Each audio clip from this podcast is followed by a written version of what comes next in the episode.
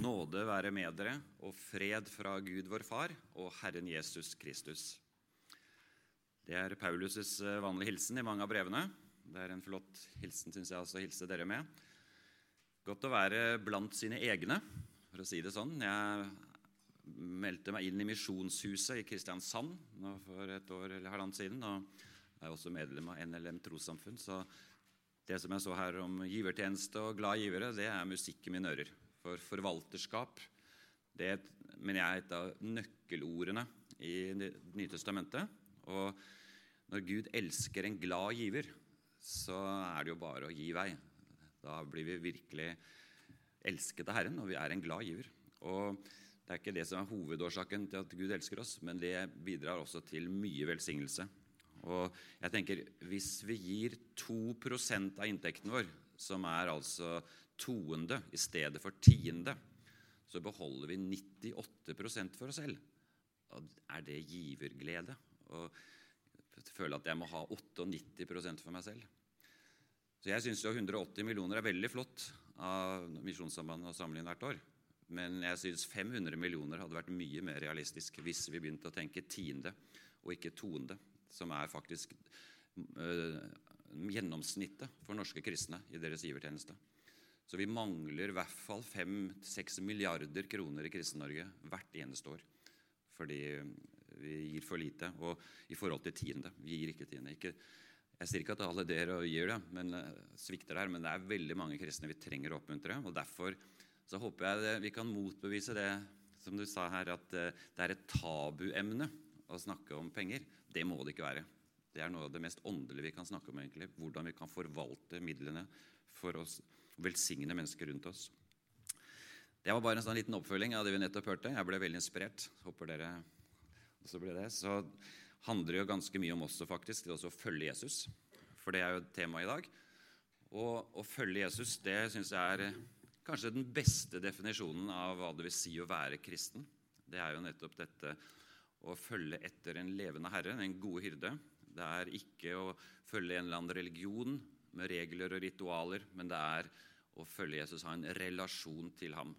Og den relasjonen den eh, utvikles jo stadig vekk når vi følger etter Jesus sånn som han kaller oss til. Sånn som han gjorde med de første disiplene. Følg meg.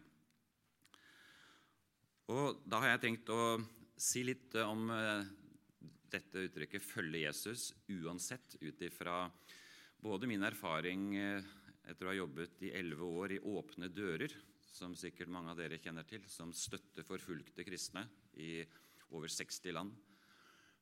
Så litt sånn Hva kan vi lære, hva kan vi bli inspirert fra dem eh, når det gjelder det om å følge Jesus, uansett, også når det koster? Og det er jo sånn for millioner på millioner av våre trossøsken at det koster dyrt å følge Jesus.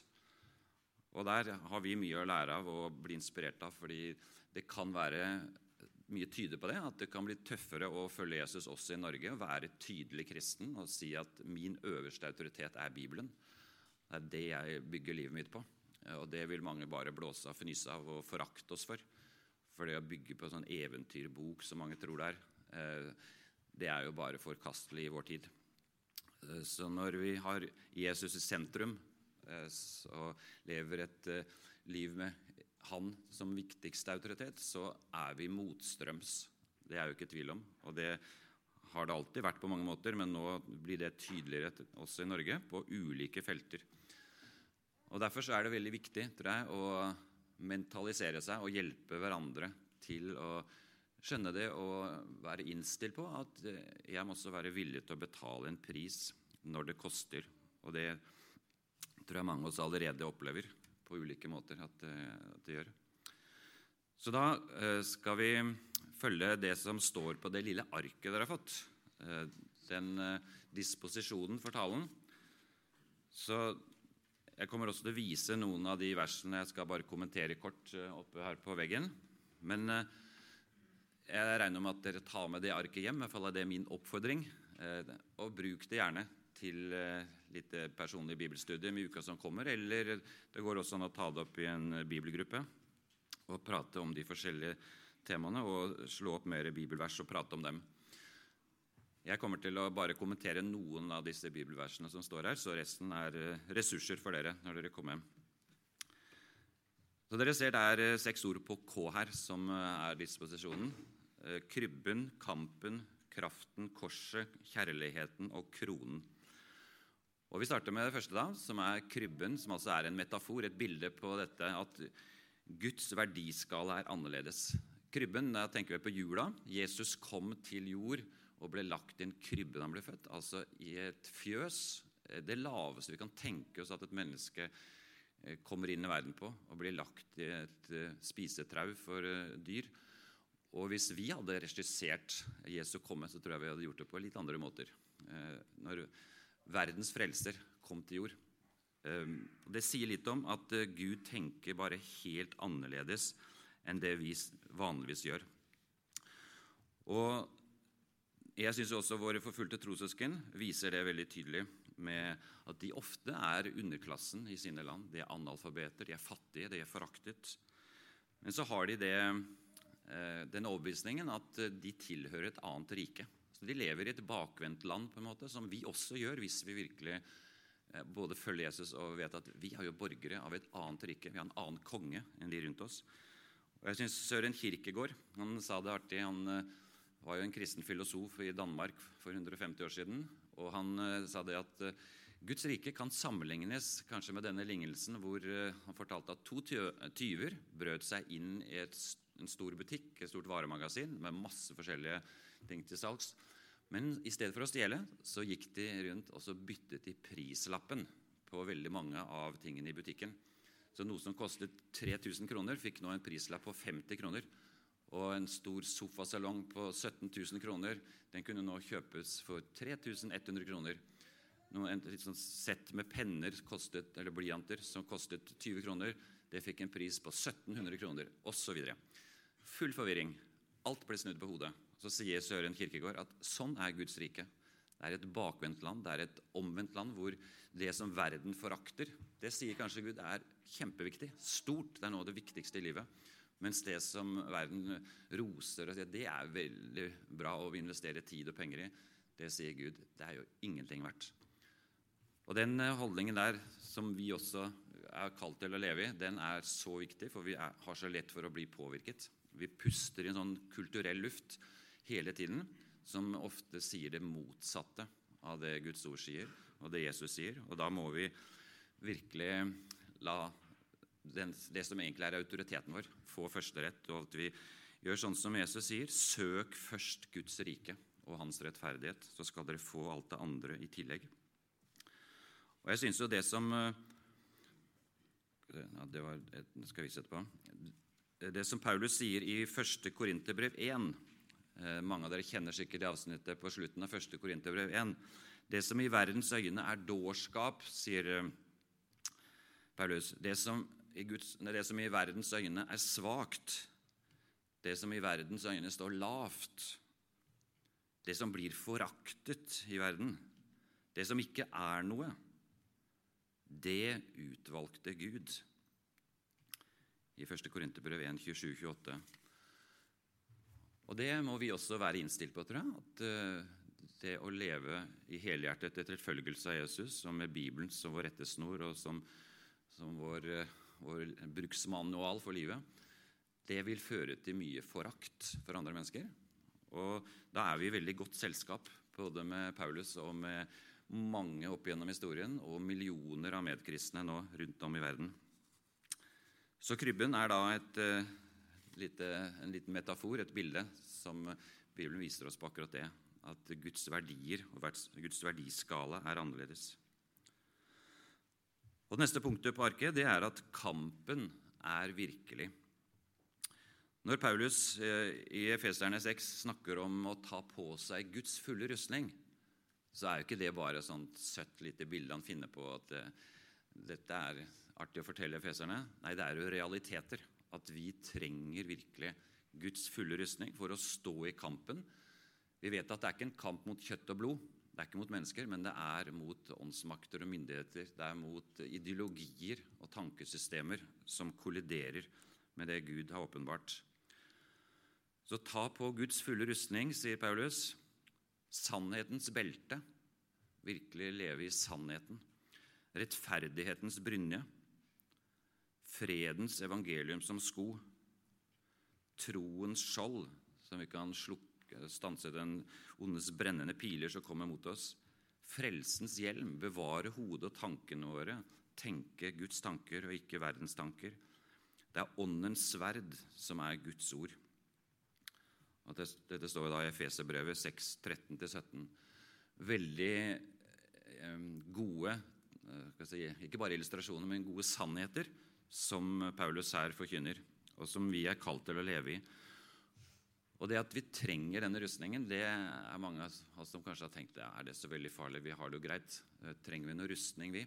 Vi lever i et kristent samfunn.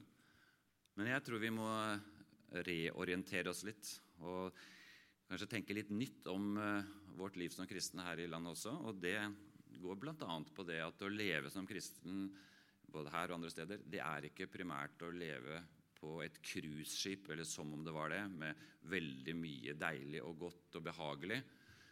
Med god mat, underholdning og med svømmebasseng og diverse, diverse. Nei, det er mye mer likt å leve på et krigsskip. Eh, vi er faktisk i kamp mot den onde og det onde. Og det å være på et krigsskip betyr ikke at alt er bare slitt. Det er masse flott som skjer et utrolig flott fellesskap. Vi har en fantastisk kaptein, Jesus selv. Og vi har altså livbåter vi må bruke til ulike ting. Og kanskje vi må flykte ut og sammen finne noen andre steder. Vi må redde folk som har hoppet i sjøen. Altså Det er trefninger. Vi kan bli skadet. Ja, noen blir faktisk drept, helt konkret, også i vår tid, pga. denne kampen. Og fordi vi er om bord ikke på et cruiseskip, men på et krigsskip. Og det har også med denne troens strid som Paulus snakker om i flere sammenhenger, at uh, livet er ikke en dans på roser hvis du følger Jesus. Det er masse glede, masse mening, fylt av håp og kjærlighet. Det er utrolig mange goder, men samtidig så er det noe som kan koste dyrt. Og så har vi kraften, som er det eh, tredje punktet her på arket. Kraften er tilgjengelig. Guds ord sier jo det veldig tydelig, at uh, vi skal få kraft når vi tar Jesus sporet, når vi går på Hans ord, som uh, Jesus sier til disiplene.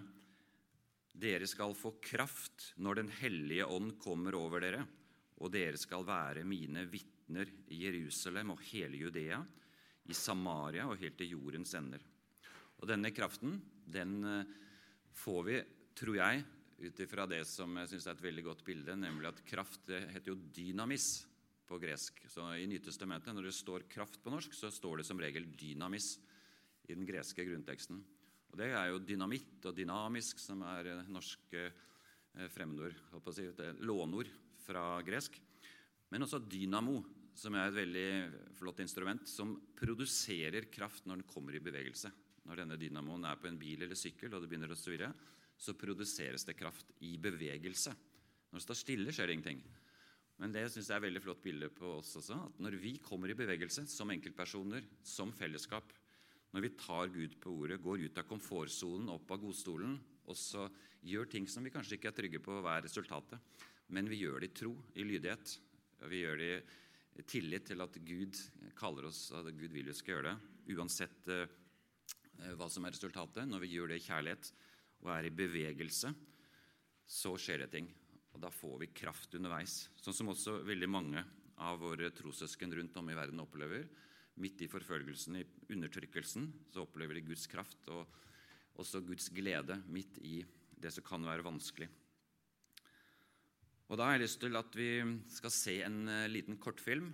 Dere det skal få to filmer i dag. Så, så Først den vi har sett om givertjeneste. Nå skal vi se en annen film som er, ble laget til Åpne dørers 30-årsjubileum eh, for noen år tilbake, og som er veldig illustrativ både med bildene vi får se, men også eh, teksten er veldig flott.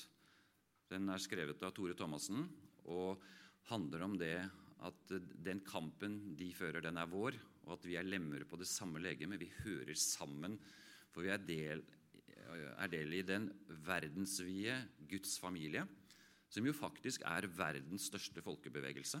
Det er ingen annen enhet med så mange medlemmer som hører sammen, og som tror på det samme som den kristne kirke. Og det gir også både motivasjon og håp og glede. Tenk på det at de er jo våre søsken. De er våre brødre og søstre, og vi hører sammen. Vi kan støtte hverandre, vi kan be for hverandre, vi kan gi på ulike måter, og vi kan besøke dem. Så denne, denne sangen skal vi nå se, denne eh, sangvideoen. Og det er Kristiansand Frikirkes jentekor. Det er seks kor i Kristiansand frikirke, og et av dem er et uh, jentekor som synger. Så hvis du da setter igjen filmen og kan slå lyset, så skal vi se den. Så la oss sette i gang.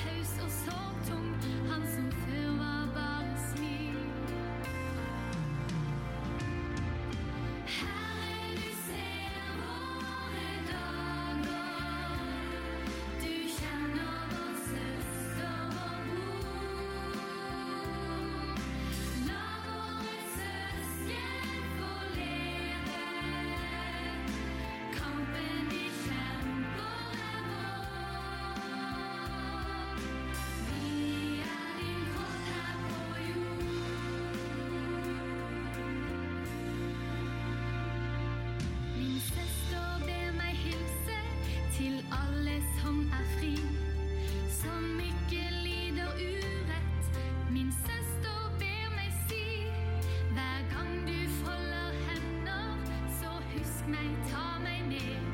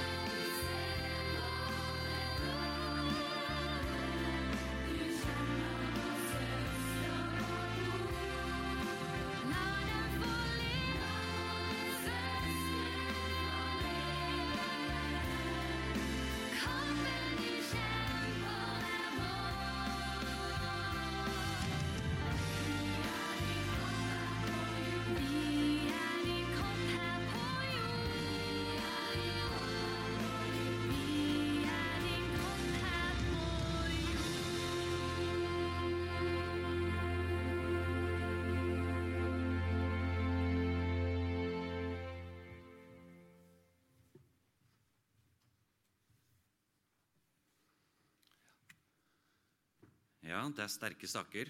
Eh, sterke realiteter. Eh, at så mange, flere hundre millioner av våre trossøsken, lever jo under tøffe vilkår fordi de blir undertrykt, sett ned på, behandlet som annenrangs og tredjerangs borgere i sine land. Men vi står sammen. Vi er i familie. Og det er jo litt av et privilegium å få være med og bety noe for dem, støtte dem, og samtidig også lære av dem. Og En kollega av meg da jeg jobbet i Åpne dører, fortalte en gang han hadde vært i Egypt og snakket om hvordan de hadde det, og at det var mange i Norge som ba eh, for eh, kristne i Egypt. Og det satte jo denne kristne vennen i Egypt stor pris på. Da, Tusen takk, ja, fortsett med det. Vi trenger deres forbønn. Men dere trenger jo vår forbønn også. Kanskje enda mer enn vi trenger deres. Å, da spurte den norske vennen min. Jo, det er jo sånn, sa egypteren, at uh, de vanskelighetene vi møter, uh, den undertrykkelsen vi må leve i, den driver oss til Jesus. Vi blir avhengig av Jesus for å få hans kraft og hans visdom og kjærlighet. Og For å holde ut så trenger vi virkelig Jesus, og vi blir stadig minnet om det, drevet til ham. Mens den velstanden og den overfloden og alt det dere har av frihet i Norge, den driver dere kanskje bort fra Jesus. Og da tenkte han, eh, vennen min at ja, det er kanskje noe dypt sant i det. At de opplever forfølgelse som driver til Jesus, mens vi i Norge opplever forførelse som driver oss bort fra Jesus. Og det tror jeg det er en veldig dyp sannhet i. Eh, at eh, overflod og eh, mye penger og velstand, og også at ting er godt organisert, og vi lever i et fritt land, at det skaper forførelsen, altså vilkår for forførelsen som er ganske utfordrende, og som vi må ta på alvor for våre egne liv. Og Det er også korset kommer inn som det fjerde punktet på arket her øverst i høyre spalte. Korset, hans kors og vårt kors. Det aller viktigste som har skjedd i verdenshistorien, det er jo Jesu død på Golgata og hans oppstandelse. Jesu kors, Jesu død, da han betalte for vår synd, da han sonet, da han kunne si, rope ut fra korset 'Alt er fullbrakt'. Han gjorde alt. Det er ikke nødvendig med mer når det gjelder forsoningen og frelsen. Og han beviste at dette er sant ved at han sto opp igjen fra de døde. Men så er det jo det store også at uh, han kaller oss til å identifisere seg med seg selv og til å være vårt kors, som man snakker om f.eks. i Lukas 9, 23, som det står på, uh, på arket der. Jesus sa, 'De som vil følge etter meg, må fornekte seg selv, ta sitt kors opp hver dag og følge meg.' Han må følge Jesus uansett og ta sitt kors opp og velge Jesu vei. Ikke velge den letteste og mest behagelige, mest egoistiske veien, men velge Jesu vei. Det er jo det det handler om, å, å ta opp korset. Og så syns jeg det er utrolig sterkt det som står som det første verset der i Galaterne 2,20. Første verset på, på dette punktet.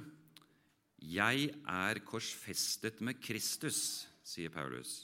Jeg lever ikke lenger selv, men Kristus lever i meg. Det livet jeg nå lever som menneske av kjøtt og blod, det lever jeg i troen på Guds sønn, som elsket meg og ga seg selv for meg. Jeg er korsfestet med Kristus, og samtidig lever han i meg. Kristus lever i meg. Og Det er noe som kommer fram veldig tydelig også, dette her at Jesus lever i oss. Jesus virker i oss. Jesus er på en måte også si, provokasjonen i møte med andre. Det er ikke det at vi er dårlige mennesker og folk ikke liker oss som mennesker, men det er noe provoserende i det å ha Jesus i hjertet og tro på ham og prøve å formidle hans budskap og hans kjærlighet til andre. Og Det kommer veldig godt fram synes jeg, i det som skjedde da Saul, han som ble Paulus, Saul var på vei til Damaskus for å fengsle kristne. Så forfølgelsen begynte jo veldig tidlig av de kristne. Allerede tre-fire år etter Jesu døde oppstandelse så var Paulus på vei til Damaskus, hvor det allerede var dannet i hvert fall én menighet, kanskje flere. Og skulle han fengsle kristne og bringe dem til Jerusalem. Så møtte han Jesus på veien i et syn. Så sier Jesus, 'Saul, Saul, hvorfor forfølger du meg?' 'Hvem er du, Herre?' spør Paulus. Det har jeg forresten her også. 'Jeg er Jesus, han som du forfølger'. Og Da er det så tankevekkende og trosstyrkende og inspirerende at Jesus sier ikke 'Saul, Saul, hvorfor forfølger du de kristne?' Nei, 'Hvorfor forfølger du meg?' Og hvem er du, Herre? Jeg er Jesus. Han sier ikke 'Jeg er Jesus, Herren til dem du forfølger'. Nei, det er, jeg er Jesus, han som du forfølger. Og Denne identifikasjonen med hvor Jesus virkelig gjør seg til ett med de som blir forfulgt, det er jo utrolig sterk trøst og en sterk sannhet for alle de som opplever forfølgelse på kroppen. Og for oss også, når vi blir eventuelt eh, hånt, latterliggjort, blir skjelt ut, så er det jo ikke oss det er noe galt med, men det er det at Jesus bor i oss. Det er det at vi stoler på ham, på hans ord. Vi tar han mer høytidelig og alvorlig enn vi gjør med hva som er tidsånden og hva som er inn og politisk korrekt. Så det er Jesus som er provokasjonen. Vi vet jo at eh, hvis vi hadde bare tilpasset oss og blitt som de andre og gått, følt med strømmen, så ville alle synes vi var flotte mennesker. Mens ja, det samme skjer jo i andre land hvor kristne blir forfulgt. Hvis de hadde omvendt seg til islam eller til hinduismen eller blitt kommunister, avhengig av hvilket land de bor i, så vet jeg at da hadde jo livet blitt så mye enklere. Da ville det blitt akseptert og fått helt nye sosiale nettverk. Fordi de som mennesker jo kan være flotte mennesker, men det er Jesus i dem som provoserer, og som skaper forfølgelsen og motstanden. Og Det er jo dette verset her fra eh, apostelgjerningene 9 veldig gode eksempler og illustrasjon på. Og også det som står eh, her i på arket, Romerne 6, 3-8. Denne nære relasjonen vi har til Jesus når eh, vi lever med ham, så står det seks ganger i de få versene der i Romerne 6 det uttrykket 'med ham'. Vi lever så tett med Jesus at Paulus sier vi ble begravet med ham. Vi har vokst sammen med ham. Vi er ett med ham i en oppstandelse som er lik hans. Vi ble korsfestet med ham. Vi er døde med Kristus, og vi skal også leve med ham. Det er bare så utrolig tydelig eksempel på der i Romerne 6 at å leve som kristen er ikke å følge et sett med regler og lærepunkter, men det er å leve med Jesus. Det er en relasjon til Herren Jesus. Og Da er vi over på det siste, det nest siste punktet her på arket. Kjærligheten er fundamentet. Det er både dette utgangspunktet, at han, han har elsket oss først, derfor elsker vi. Det er jo hans aksjon, hans redningsaksjon, og så er det vår reaksjon på dette nemlig vår respons og vår kjærlighet som vi, altså Guds kjærlighet som han utøst i våre hjerter, som vi ønsker å gi videre. Og da er det jo snakk om både den kjærligheten som vi viser til Gud, men også den kjærligheten som vi viser til andre. Og Begge deler har jo da sitt utspring i at Gud elsket oss først. Han har bevist det på så mange måter. Og Så sier jo Jesus at det største og første budet det er jo å elske Gud av hele vårt hjerte, av hele vår sjel, av all vår kraft og av all vår forstand. Og så er det et annet som er like stort, og det er å elske vår neste som oss selv. Og det er jo en kjærlighet som eh, virkelig er krevende, hvis vi tar det på alvor, bokstavelig, det som står der. Eh, at vi skal elske Gud over alle ting, og vi skal elske vår neste som oss selv. Og så er jo Jesus enda mer konkret og enda mer radikal i det han sier om å vise kjærlighet til alle mulige mennesker som også forakter oss og håner oss og, og til og med forfølger oss. Og Det er jo denne radikale, uventede kjærligheten som vi leser om i Bergprekken og i Lukasversjonen også av Bergprekenen. Elsk deres fiender. Velsign dem som forbanner dere. Gjør godt mot dem som hater dere, og be for dem som krenker dere og forfølger dere. Det er så radikalt at det kan vi bare ikke gjøre av oss selv. Det er ikke sånn en bestemmelse vi tar. Og nå skal vi gjøre det.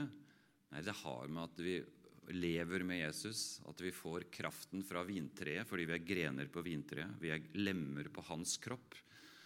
Blodomløpet eh, går gjennom oss, og vi tar til oss mer og mer av eh, hans gaver og hans utfordringer og hans eh, kjærlighet. Og som jeg ofte sier, det handler ikke om å ta seg sammen, men det handler om å være sammen med Jesus. Det nytter ikke å dra seg etter håret og si at nå, nå skal jeg bli annerledes. Nei, det handler om å være sammen med Jesus, la ham prege oss mer og mer. Og Paulus har jo lært av Jesus og sier i 1. Korinterbrev 4.: Når vi blir utskjelt, velsigner vi. Når vi blir forfulgt, holder vi ut. Når noen håner oss, svarer vi med vennlighet. Og Dette er så radikale utsagn at jeg tror faktisk, etter det jeg har lest og forstått, så finnes det ingen annen religion i verden som har en så radikal kjærlighetsforståelse, hvor etterfølgerne blir bedt om å gjøre det på denne måten som Jesus jo ber oss om, og ber oss ha som ideal, og prøve å få mer og mer del i hans kraft til å leve sånn. Og dette er eh, noe som er eh, sånn uforståelig nesten i perioder av livet, men som vi bare må holde fast på at hvis vi skal være bibeltro, så er jo dette også noen av de versene som eh, virkelig taler sannhet. Og det er jo så, så flott med dette her å leve i ordet og bli i Jesu ord. Jeg har lyst til å vise dere dette verset også som et av mine favorittvers, som er mitt livsvers på mange måter, helt fra jeg var 15 år gammel. Hvis dere blir i mitt ord, er dere virkelig mine disipler. Da skal dere kjenne sannheten, og sannheten skal gjøre dere fri. Her er det så mange flotte ting å ta fatt i hvis vi vil holde en bibeltime over det verset, så det skal jeg ikke gjøre nå. Men eh, det er verdt å meditere mye over, og gjerne lære utenat.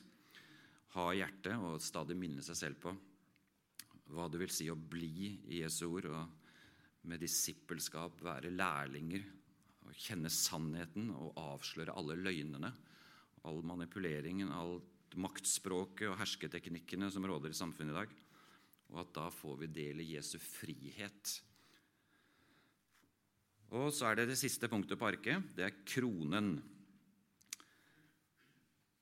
Kronen det er jo da det som Paulus snakker om. Skal få seierskransen, eh, ta del i, i det evige liv, i bryllupsmåltidet, lammets bryllup, det nye Jerusalem. Det er eh, frelsen i evigheten. Og der er det jo veldig flott hvordan eh, Paulus beskriver det i Romerbrevet 8,18.: Det vi må lide i den tiden som nå er, kan ikke regnes for noe mot den herligheten som en gang skal åpenbares og bli vår. Når vi har evighetsperspektivet og ser framover og vet at som kristne så har vi jo alltid det beste i vente. Det, som vi eventuelt må betale av pris her, ikke bare eventuelt, men det som vi må betale av pris på en eller andre måten, og også ha forsakelse, frivillig forsakelse, givertjeneste, leve enklere, dele mer raust, være preget av Guds sjenerøsitet, vi også. Alle disse tingene det er bare for ingenting, altså det vi må forsake eller lide, ingenting å regne mot den herligheten som en gang skal åpenbares. Og som hans, Paulus sier også i romerne, nei, 2. Korinterbrev 4.: De trengslene vi nå må bære, er lette og de skaper for oss en evig rikdom av herlighet som veier uendelig mye mer. Tar vi det på ordet også eh, sånn i hverdagen? Det er utfordringen jeg stadig stiller meg selv, å leve under evighetsperspektivet. Og Det er noe av det jeg lærte mest av, eh, fra, og har lært mest av fra forfulgte kristne. Det er evighetsperspektivet.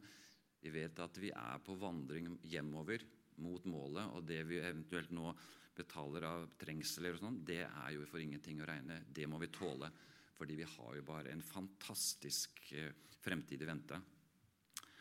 Og da vil dette evighetsperspektivet også få store konsekvenser for vår, vår bruk av ressursene våre, av pengene våre, tiden vår, og investere i det som har evighetsverdi, og ikke bare å bruke tid og krefter og penger på alt mulig som egentlig vi kan aldri verken ta med oss Det er svært lite verdt. Det bør ikke være syndig i det hele tatt, men det gode kan jo ofte bli det bestes fiende.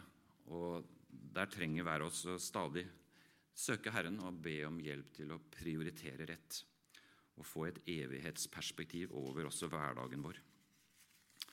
Så det var eh, seks stikkord jeg hadde lyst til å minne dere på i dag. Krybben, kampen, kraften, korset, kjærligheten og kronen. La oss be sammen. Herre Jesus, jeg takker deg fordi du har kalt oss til å følge deg, slik du kalte de første disiplene. Takk for det skal vi ikke gjøre alene. Vi skal gjøre det med deg, men også med alle våre trossøsken her lokalt, nasjonalt, internasjonalt. Også med tanke på alle de som har gått foran oss, den sky av vitner som er rundt oss fra også historien, som har utrolig mye å lære oss av trofasthet, av det å søke deg, av det å leve i jordet. Det å, å være en del av ditt rike på jord. Og Jeg takker deg fordi vi kan få leve livet vårt, Herre, under evighetsperspektivet. Å vite det at det er så mye i vente, og at vi kan få være med å velsigne andre mennesker og få med oss nye mennesker hjemover av vår investering av våre penger og tid og våre krefter som søndagsskolelærer, som deltaker i givertjeneste, misjonsprosjekter, alt mulig. Og Herre, hjelp oss å være trofaste forvaltere av de gaver du har gitt oss, og ikke minst også av det budskapet du har gitt oss. Dele med hverandre, dele med våre venner og naboer, ikke minst med våre barn og barnebarn. Og Herre Jesus, takk fordi det å leve med deg er topp meningsfylt og ofte også krevende. Men takk for at du gir kraften, du gir gleden. Og du lar oss få vite det og leve i dette at gleden i Herren er vår styrke. Takk fordi du er med oss, at du bor i oss, Herre Jesus. Amen.